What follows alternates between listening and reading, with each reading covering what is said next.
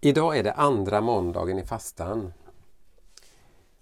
Och vi fortsätter att läsa ur Peter Halldorfs bok Spåren till det fördolda. Och jag som läser idag heter Lars Möllgård. Rubriken för dagens betraktelse är Hemlös Gud.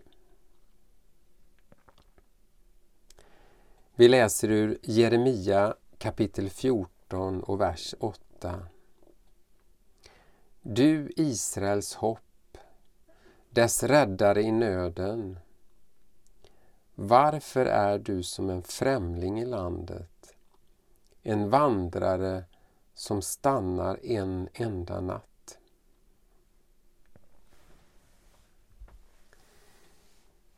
Jeremia är en av fastetidens viktigaste profeter. Han har kallats vredens profet med rätta. Ändå finns knappast någon som starkare betygar Guds kärlek till oss människor. I likhet med sin mentor och förebild Hosea som levde i Nordriket hundra år tidigare liknar Jeremia förhållandet mellan Gud och folket vid ett äktenskap. Nu har folket svikit.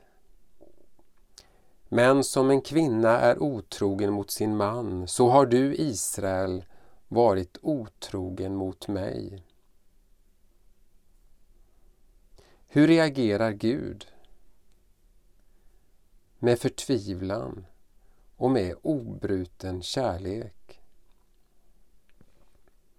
Med evig kärlek älskar jag dig.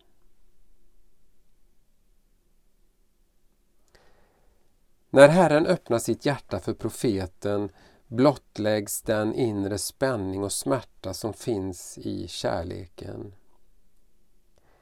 Mitt bröst, mitt bröst. Jag vrider mig i smärta. Hjärtat vill sprängas. Mitt inre är i uppror.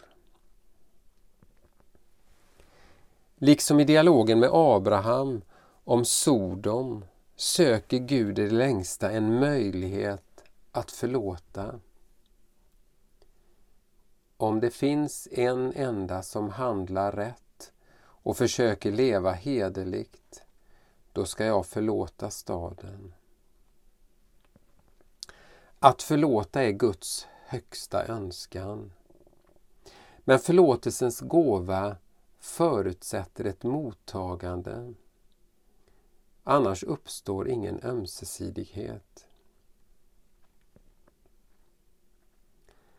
Människan är Guds stora kärlek.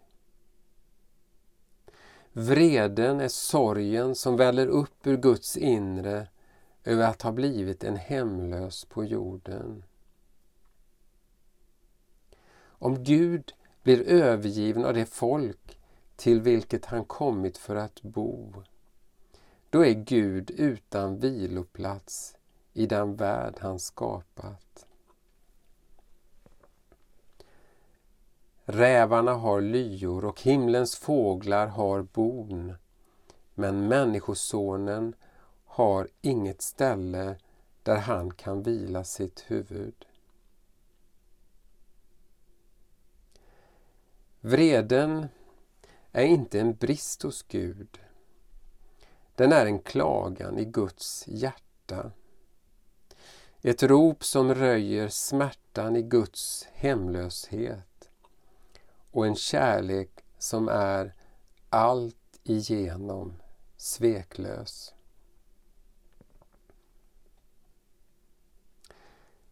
Låt oss be. Helige Gud, du kommer till oss som en främling. Din närvaro överväldigar oss och vänder upp och ner på alla våra förväntningar. Öppna oss för ditt ord, även när det oroar oss, så att vi kan ta emot din tröst. Amen.